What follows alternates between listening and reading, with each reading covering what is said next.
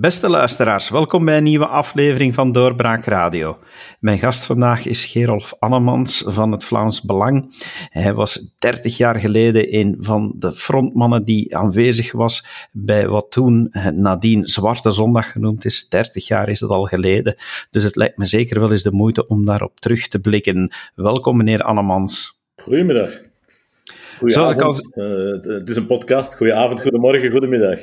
het is inderdaad al naar gelang wanneer men het beluistert. Nu, uh, terug naar 30 jaar geleden. Het is inderdaad al 30 jaar geleden. Uh, maar naar die aanloop toe, als we even de, ook de dagen voordien bekijken, in die aanloop ernaartoe, had u toen al het gevoel dat dat iets opmerkelijk ging opleveren, die verkiezingen van 1991? Ik moet zeggen, ja, natuurlijk. Uh, en dat is geen boetade, dat is ook echt wel gemeend. Wij hadden vier jaar lang uh, een heel speciale setting.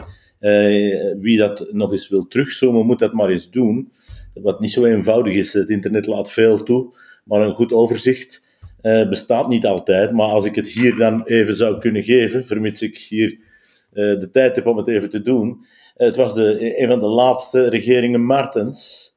Uh, zat al heel lange tijd uh, de laatste hoofdstukken geschreven van de CVP-dominantie. De CVP-staat, zoals die dan door André Kools uh, wel eens werd genoemd voordat hij vermoord werd. en België had een aantal diepe crisis achter de rug. de bende van Nijvel, noem maar op. om maar één voorbeeld te noemen, bedoel ik. Uh, en ze hadden dan vervolgens een staatshervorming in elkaar gestoken die voor Vlaams nationale, voor Vlaams nationale kiezers eigenlijk een, een, een Egmond Pact 2 was. Uh, de Sint-Michielsakkoorden waren pas voor later, in 1993. Maar het was de ontgoochelende manier waarop dat Egmond Pact niet verder was uitgevoerd langs de Vlaamse voordelen. Uh, en de Volksunie was toch maar in die regering gegaan, herinner u. Als ik me niet vergis, heeft ze zelfs die regering doen vallen over een rakettenkwestie.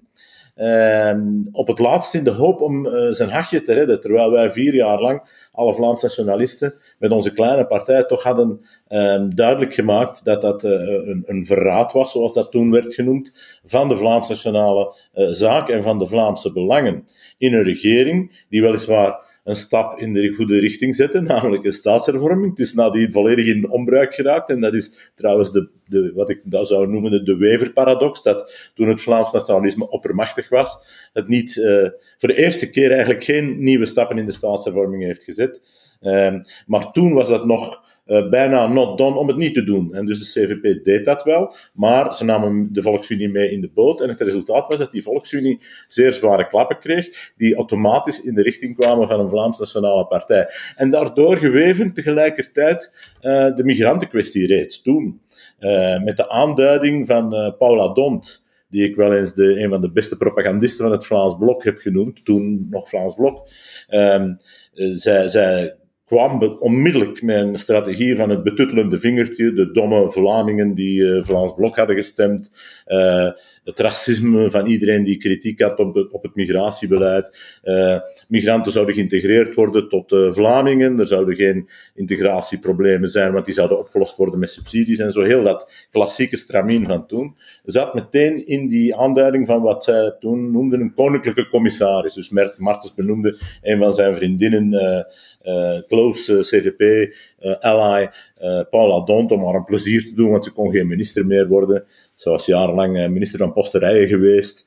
en, en zat daar graag op die post. Ja, ze werd dan verwijderd, maar dat was dan een troostprijs. En zij begon dat onmiddellijk te doen met heel veel pathos en met heel veel um, ja, um, mater dolorosa toestanden in de pers en in de media, die de Vlamingen echt meteen naar de, uh, tegen de borst stoten. En dat was een cocktail, die twee zaken, naast alle andere zaken. Want er waren, nog heel wat dossiers waar, waar die regering eigenlijk op een arrogante manier, Vivaldi gewijs, was een soort, uh, die, diezelfde sfeer ook, over de hoofden van de Vlamingen heen, uh, meende hen te kunnen zeggen wat er wel moest gebeuren en dat zij maar moesten zwijgen. En als ze iets zegden, dat ze dan racisten waren.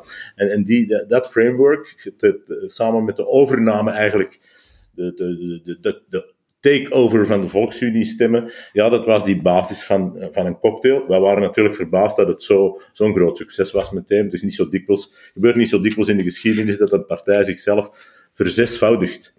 En dat gebeurde wel. Dus de, de, omvang had ons misschien een beetje verrast, maar niet het fenomeen zelf, nee. Dan die zondag zelf, natuurlijk, die resultaten komen binnen. Ik kan me wel aannemen dat dat voor jullie, eh, zei het al, een verrassing was. Herinnert u zich nog hoe u zich voelde en wat u gedaan hebt die dag? Ja, de, in een verkiezingsdag is altijd een stressvol uh, gebeuren. Men gaat al dan niet begeleid met een paar camera's stemmen. En vervolgens gaat men, figuurlijk gesproken, zijn nagels opeten thuis. In afwachting van, het, van dat oordeel. Men is echt in handen van, van het volk. En, en men is niet helemaal gerust. Zelfs niet als men uh, een goed voorgevoel heeft. Uh, en vervolgens zijn Karel Dille en ik naar het ministerie van Binnenlandse Zaken gegaan denk dat, eh, ik kan me vergissen dat toen Tobak minister van Binnenlandse Zaken was, of nog iemand anders, misschien ook wel Noton of zo. Uh, dat zou ik moeten nakijken.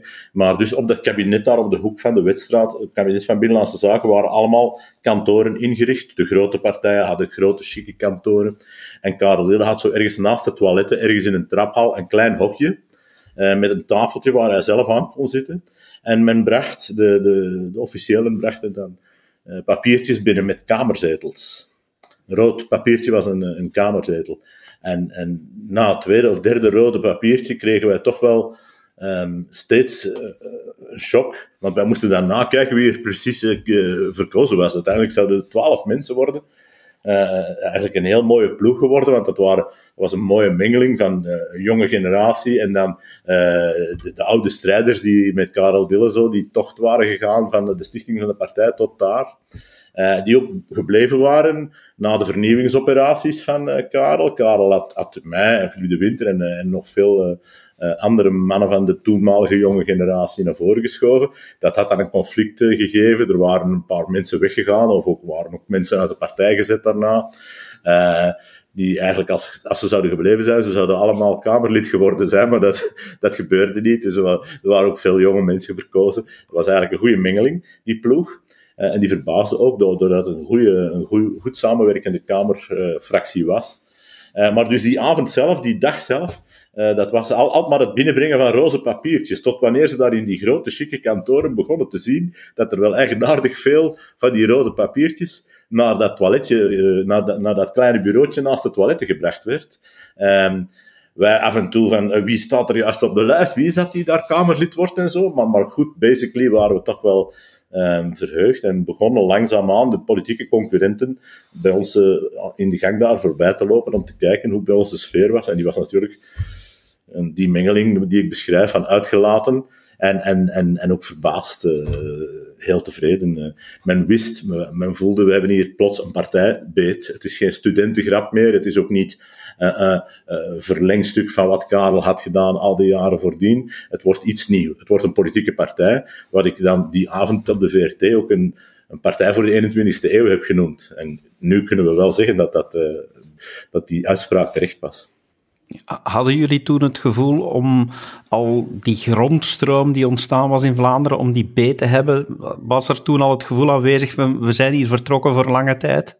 Wel, ik heb toen die uitspraak uh, in het nieuws gedaan, een partij voor de 21ste eeuw, omdat je natuurlijk meteen zag dat dan een structuur ontstond die stevig zou zijn.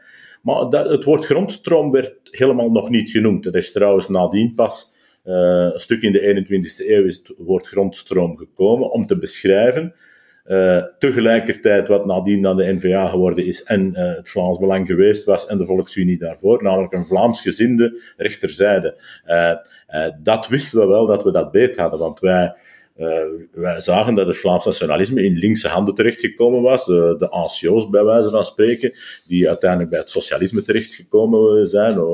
ja, we wisten dat wij het alternatief waren. De jonge generatie was Vlaamsgezind, Vlaams nationalistisch maar rechts, zoals we allemaal uit onze studententijd hadden meegenomen, waar KVAV en NSV, eh, die, die, die, die, Vlaamse nationale rechterzijde, eigenlijk uit een, ruwe blok hout gehakt hadden, en waar wij allemaal uh, onze guru, Karel Dille, die dat politiek verwoordde, uh, volgden, zonder eigenlijk te, te, te, te, beseffen dat we een politieke partij aan het maken waren. Het was eigenlijk meer een beweging. Uh, die, die door Karel Dille geïncarneerd werd, uh, om en rond het Egmondpact en nadien. Ja, en, en het is eigenlijk pas op die 24 november dat we zagen, dit wordt een gestructureerde partij, uh, met ook middelen die, die gaan vrijkomen, mogelijkheden, mandatarissen, spreekbuizen, recht op een derde uitzending op de VRT die toen nog bestonden en zo. Dus wij konden meteen een plan schetsen van hoe we die partij in die markt gingen zetten. Maar dat was natuurlijk een revolutie, hè, want, want Vlaanderen was echt de CVP-staat, afwisselend eens met de liberalen en met de socialisten. Maar basically, zeggen ze tegenwoordig in het Engels, uh, was dat Vlaamse politieke landschap erg verarmd. En het was helemaal in handen van partijen die zichzelf kapot geregeerd hadden in compromissen die nodig waren om België uh, telkens aan een federale regering uh, te, een federale regering te geven, maar die zo, de Vlamingen zo onherkenbaar maakte ten opzichte van wat hen beloofd werd, of wat hen voorgespiegeld werd, of zelfs nog maar gewoon ten opzichte van waar zij recht op hadden, ja, dat het eigenlijk nodig was om daartussen ergens iets nieuws te beginnen. Uh, en, en we zijn het niet begonnen, we zijn er eigenlijk ingeduwd. Dat was eigenlijk 24 november. Uh, plotseling, waren we met zoiets geconfronteerd. er is wel eens iemand van ons die, die, die het met een boutade heeft gezegd. Wij dachten eerst dat het een studentengrap was. En plots was het een politieke partij. Dat is eigenlijk de betekenis van 24 november. Terwijl ik ze ook tegelijk wat relativeer, aangezien dat het uh, ook nog maar een kleine overwinning was. De grote dingen moesten nog komen toen. Wat herinnert u zich nog van de reacties die toen binnengekomen zijn van de media, van andere partijen? Het was wat gemengd, maar toch. Uh, ja, er was om te beginnen uh, Wilfried Martens zelf, die zei aan de Volksunie, en dat was zijn reactie, hij sprak niet met ons, maar uh, die zei, voilà, dat is nu wat je hebt, hè, Volksunie, gaat mijn regering, gaat er maar moeten inblijven. En door die spectaculaire, op een spectaculaire manier de regering te laten vallen, um, ja, heb je het nu aan uw fles. Hè? Als je denkt dat je Vlaams nationaler kunt zijn dan het Vlaams Blok, dan zet je verkeerd. Dat was een, een, een, heel beroemde uitspraak die meteen ook duidelijk framede. Toch nog even herinneren, dus die rakettencrisis, op een gegeven ogenblik uh, rakettencrisis, ik zeg altijd rakettencrisis, was een wapencrisis. De, de Franstaligen wilden wapens leveren naar Saudi-Arabië. De federale regering blokkeerde de, de, wapenvergu- de, de, de, de, uitlever, de leververgunning. Um, en dan moest een compromis bedacht worden om FN toch nog die wapens te kunnen laten leveren. en, en, en, en Serge niet, Philippe Moreau, vicepremier, die ging namens de PS naar de Weststraat 16. Uh, voor alle camera's verklaarde hij daar, kijk, uh, uh, als dat hier niet geregeld wordt, dat wij hier die vergunning krijgen, dan gaan wij deze namiddag in het Waals parlement onszelf de vergunning verschaffen. en dezelfde dag ontstond er in Vlaanderen zo'n een, een, enorme kwaadheid daarover. Want al die federale loyaliteit die de Volksunie aan de dag had gelegd, was allemaal voor niks geweest. Zij kregen gewoon een, Waals, een Waalse onafhankelijkheidsverklaring op hun brood. En zelfs een, een, krant, die, de, Morgen, die toen nog, toch, toch niet echt, nu niet en toen niet, een, Vlaams Blokkrant kon genoemd worden, had toen een peiling gepubliceerd de dag nadien dat 28% van de Vlamingen plots voor Vlaamse onafhankelijkheid waren. Dat was de context. En dus in die context, als dan de eerste minister na de verkiezingen zegt, kijk, uh, je kunt moeilijk Vlaams nationaler zijn dan het Vlaams Blok, dat is dan meteen een, een, een ereteken, een stempel, uh, die de toon zet. En al, al, de andere verklaringen, was natuurlijk de linkerzijde begon al te mobiliseren. Toen al, ik denk, Frank van den Broeke, die tot, tot op vandaag eigenlijk een producent van uh, brokkenparcours is. Die, ik denk dat hij toen uh, SP-voorzitter was en dat hij meteen over fascisme en racisme en dergelijke begon. Uh, hoewel hij dus ja, honderdduizenden mensen daarmee er direct beledigde. En dus dat, dat was min of meer de linkerzijde, um, was meteen agressief en, en onverdraagzaam. En de rechterzijde was helemaal de kluts kwijt. Dan is natuurlijk ook het cordon sanitair gekomen.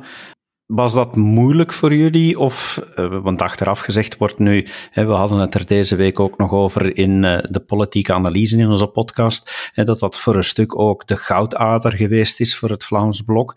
Maar was dat voor jullie op dat moment lastig om te maken te krijgen met dat cordon sanitair? Toch nog even um, daar de puntjes op de i zetten, omdat, omdat ik dat toch e-, echt van dichtbij heb meegemaakt. Men zegt altijd, het is de levensader, de levensverzekering dat is een beetje een uit de context trekken van uh, een uitspraak van Karel Dille. Die daarmee bedoelde, uh, met dat cordon sanitair, er is eigenlijk, jongens, ook een goede kant aan. Want als we niet aan de macht kunnen deelnemen, kunnen we ook niet verdorven worden door de macht. Die uitspraak kwam van hem. Uh, in de context van Hugo Schilds, die, die de Volksunie door systematische machtsdeelnames, compromissen, eigenlijk kapot geregeerd had. En die de basisprincipes, het programma van de partij, stelselmatig had verraden, tot wanneer Karel Dille met heel dat programma een eigen partij kon stichten. En dus die, in, dat, in dat raamwerk uh, moet je die uitspraak zien van Karel Dille van een beetje ironisch, want dat was een heel humoristische man. Uh, ironisch zo van, eigenlijk is dat een levensverzekering voor ons akkoord sanitair. Nu wordt dat door heel wat commentatoren uh, met goed, te goeder trouw of te kwader trouw, dikwijls ook heel te kwader trouw gedaan, alsof wij uh, graag dat cordon sanitair hadden, omdat wij een levensverzekering hebben daarmee. Nee, nee, nee, nee. Dat is uit het context drukken van die uitspraak. En onze nieuwe generatie van Grieken, uh, die heeft daar eigenlijk uh, komaf mee gemaakt. Die heeft gezegd, wij zijn een beleidspartij, wij willen deelnemen aan de macht. En die stelt het regime voor zijn verantwoordelijkheid. En je ziet ook dat uh, in het, het, meer dan merkwaardige boek Reset van, van Mark Elgardus. Mark Elgardus, dat, dat hij dus duidelijk aangeeft, hier, dit moet opgelost worden. Als we de Vlaamse democratie willen weghalen uit die versmachting, uh, dan moeten we daar beginnen. Uh, al was het maar om een potentiële Vlaamse nationale meerderheid, die toch langzaam maar zeker een politiek en maar ook een historisch gewicht begint te krijgen, om die te bevrijden. Hè. Uh, en met andere woorden, um, ja, wij vonden dat van in het begin eigenlijk onrechtvaardig. Natuurlijk hebben wij dat propagandistisch gebruikt, iedere keer om te zeggen, dat is de manier waarop ze democratische vernieuwing, waarop ze zoveel honderdduizenden Vlamingen behandelen. Vergeet dat niet. En dat, dat, in die zin is het een aandikken van onze stemmen geweest. Maar natuurlijk, de, het, het, ont, het ontmant ons een beetje. Het, het, het, het geeft ons... Uh, niet de, de, dat waar een politieke partij recht op heeft, wanneer zij uh, in het raamwerk van, uh, van, van, van, een, van, de democratische voorschriften probeert politieke vernieuwing en verandering teweeg te brengen. Uh, dat, dat, is zeer hinderlijk, en, maar, maar ook principieel onaanvaardbaar. Dus ehm, ja, leuk vonden wij dat niet. We, we, hebben er van de nood een deugd gemaakt. Maar het is niet zo dat wij dat hebben nagestreefd als iets dat ons tussen aanhalingstekens dan die, die, die levensverzekering gaf een van de dingen die ik merk als verschilpunt op die 30 jaar, en 30 jaar is in politieke termen enorm, uh, een enorme tijdsperiode, maar toen in die periode, ja, je, had die, je had die resultaten van het Vlaams Blok, maar je vond nooit iemand die zei, ah, ik heb Vlaams Blok gestemd. Terwijl nu, met Vlaams Belang, is dat toch wel helemaal anders. Hè? Dat is toch in die 30 jaar wel enorm veranderd. Ja, natuurlijk. Om te beginnen, uh, we, we, hakten daar plots uit die CVP-staat, ja, ruwe rotsblok, hadden we daar plots een nieuwe partij uitgehakt. Dus de vijandigheid, de onverdraagzaamheid, uh, de agressiviteit was groot. En we hebben dat moeten volhouden. Um, met heel veel moeite hebben we ons recht gehouden, staande gehouden, ook toen men onze partij verbood. Uh, nadien hebben we moeten volhouden. Totdat we ergens door, uh, door een crisisperiode gegaan zijn, zelf dan die partij verjongd en vernieuwd hebben, en dus in een, in een open zee terechtkwamen van, uh, ja, kijk, uh, wat, wat nu? wat zijn jullie nu geworden? En die nieuwe generatie van Van Grieken, dan nog belichaamd door zijn voorzitterschap, dat, dat of ja, door, door allerlei persoonlijke kenmerken van hem iets charmant heeft, uh, heeft heel veel deuren geopend. Je ziet dat nu met de manier waarop hij zelfs mensen uh, uit de periferie en ook verder buiten uh, in zijn, in zijn toogpraat podcasts en zo betrekt.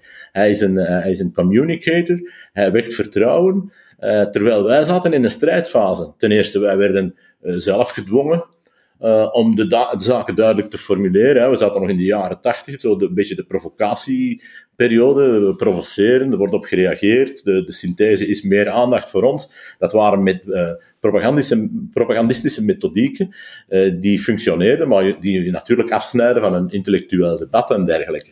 Terwijl dat, die nieuwe generatie, die heeft daar niet alleen geen boodschap meer aan, die heeft dat ook niet meer nodig. Er staat terug een grote partij, die uh, heropgestaan is na een, een crisisperiode, en, en die uh, het stuur heeft gegeven aan een jonge generatie met uh, carte blanche.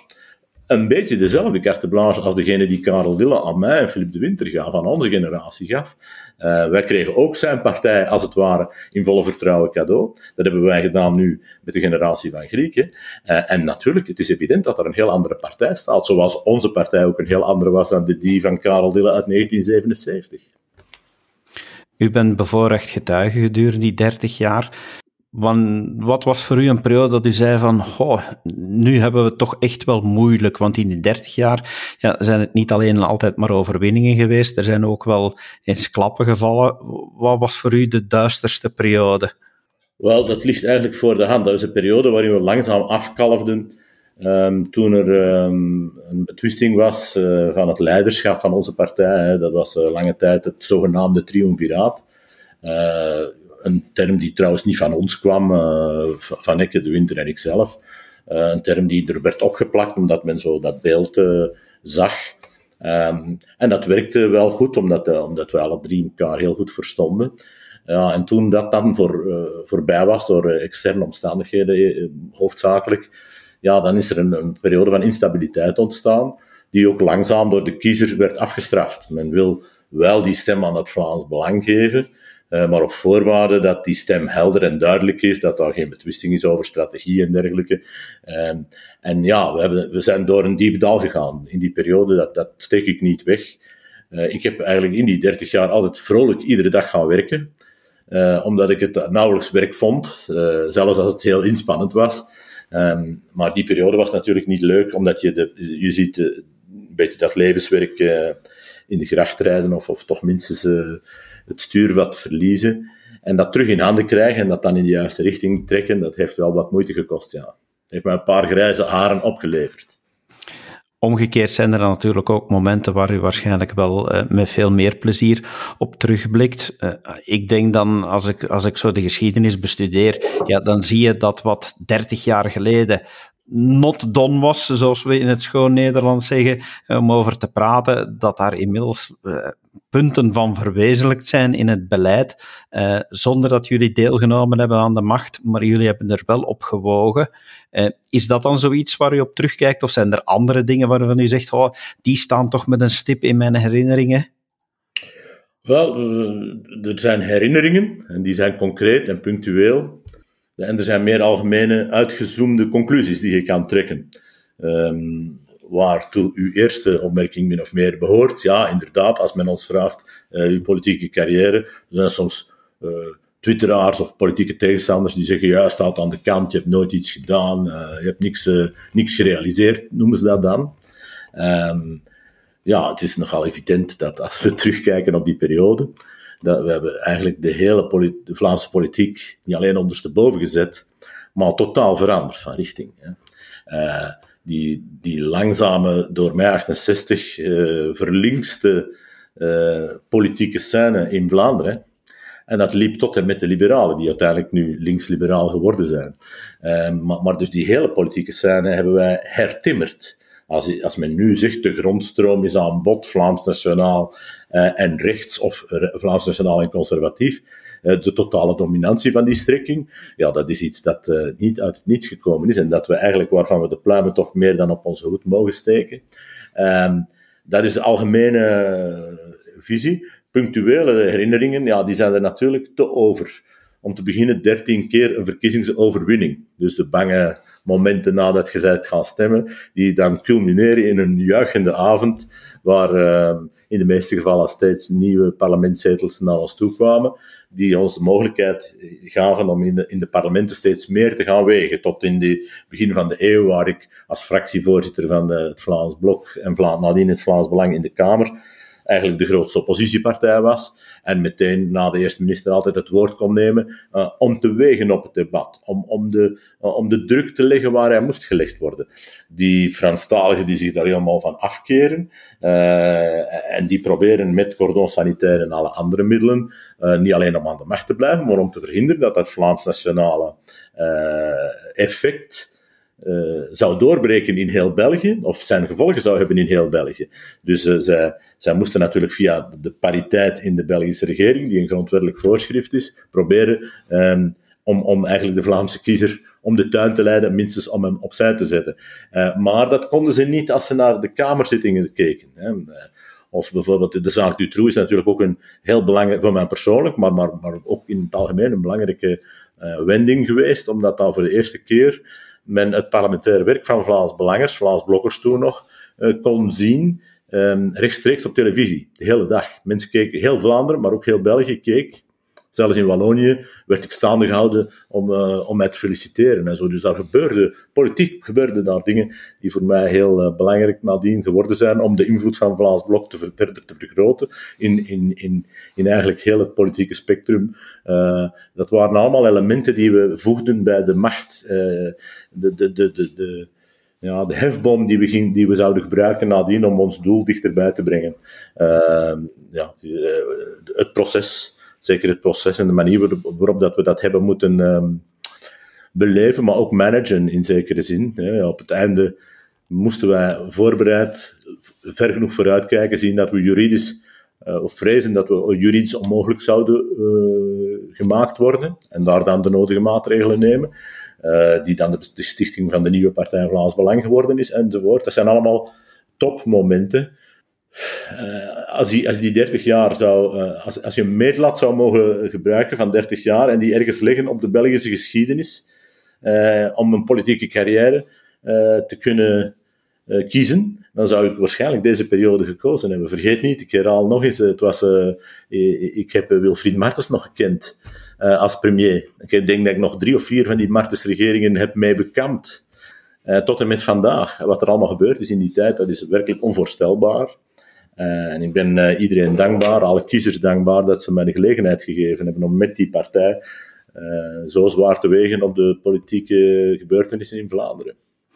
En uw blik vooruit naar de toekomst. uw partij die staat ja, wel op, met stip op nummer, nummer 1 in Vlaanderen in de peilingen. Al indicatoren wijzen op een nieuwe overwinning. Doet dat opnieuw uh, ja, enthousiasme door, door de partij jagen naar, naar iets nieuws? Voelen jullie dat er misschien nu nog een nieuwe periode aanbreekt? Ja, uh, ik denk dat je dat goed uh, capteert als je dat zo beschrijft. Um, natuurlijk, het is niet aan mij om, om, om dat te beschrijven of om te doen alsof het een strategie is die ik moet belichamen, want dat is niet zo. Ik heb uitdrukkelijk die partij aan die nieuwe generatie overgedragen. Ik ben daar 100% eh, ook gaan achterstaan. Ik heb mij uit het partijbestuur teruggetrokken om dat ook duidelijk te maken. En dus ga ik hier nu niet als een schoonmoeder of schoonvader uh, uh, de generatie van Grieken betuttelen. Maar het is evident dat wat Van Grieken aan het doen is, dat dat um, veel appetijt teweeg brengt naar echte verandering. die Vlaming is daar nu echt 30, 40 jaar actief naar op zoek. Ik bedoel dan door te stemmen voor een partij waarvan alle uh, autoriteiten zeggen dat je er niet voor mag stemmen. Dat is niet niks. Dat is, uh, sinds de boerenkrijg is dat niet meer voorgekomen, dat de Vlaming zijn woede zo uitdrukkelijk kanaliseert. Uh, en nu bereiken we een punt waarop de vraag zal zijn, en dat punt hebben wij als Vlaams Belang voordien nooit meegemaakt, een punt waarop uh, het regime zal moeten kiezen, gaan we uh, op een democratische manier verder doen, of gaan we proberen, zoals nu met Vivaldi met een minderheid, of maar zelfs met de kunstmaatregel om de NVA in het kamp van de klassieke partijen te, te trekken en het Vlaams Belang toch nog buiten te laten staan, gaan we proberen van dat regime te redden, want dat Belgisch regime is niet te redden. Het Vlaams nationale thema is een beetje begraven, iets wat ik de Wever actief verwijt, maar dat komt terug chasser le naturel, il revient au galop. Hè. Uh, men kan doen alsof het niet bestaat. Men kan ook nog belastinggeld besteden aan een campagne over de 11 miljoen Belgen die de virus uh, allemaal gingen verjagen. Maar de realiteit uh, haalt u in. En, um, en de realiteit zal ook de Belgische politieke elite inhalen over de bestuurbaarheid van België. Dus we zullen snel naar een, een, een, een heropleven van de communautaire problematiek komen. Ja, en dan zal die generatie van Grieken um, moeten zien, en die zal dat ook wel doen, uh, dat ze dat historisch moment mee kan begeleiden en in de juiste richting duwen, zoals wij onze momenten in de juiste richting hebben geduwd. Meneer Annemans, dank u wel dat u de tijd hebt genomen om een terugblik op die 30 jaar te geven als bevoorrechte getuige. Dank u voor uw tijd. Ik dank u voor de gelegenheid om dat eens te mogen doen. Hartelijk dank.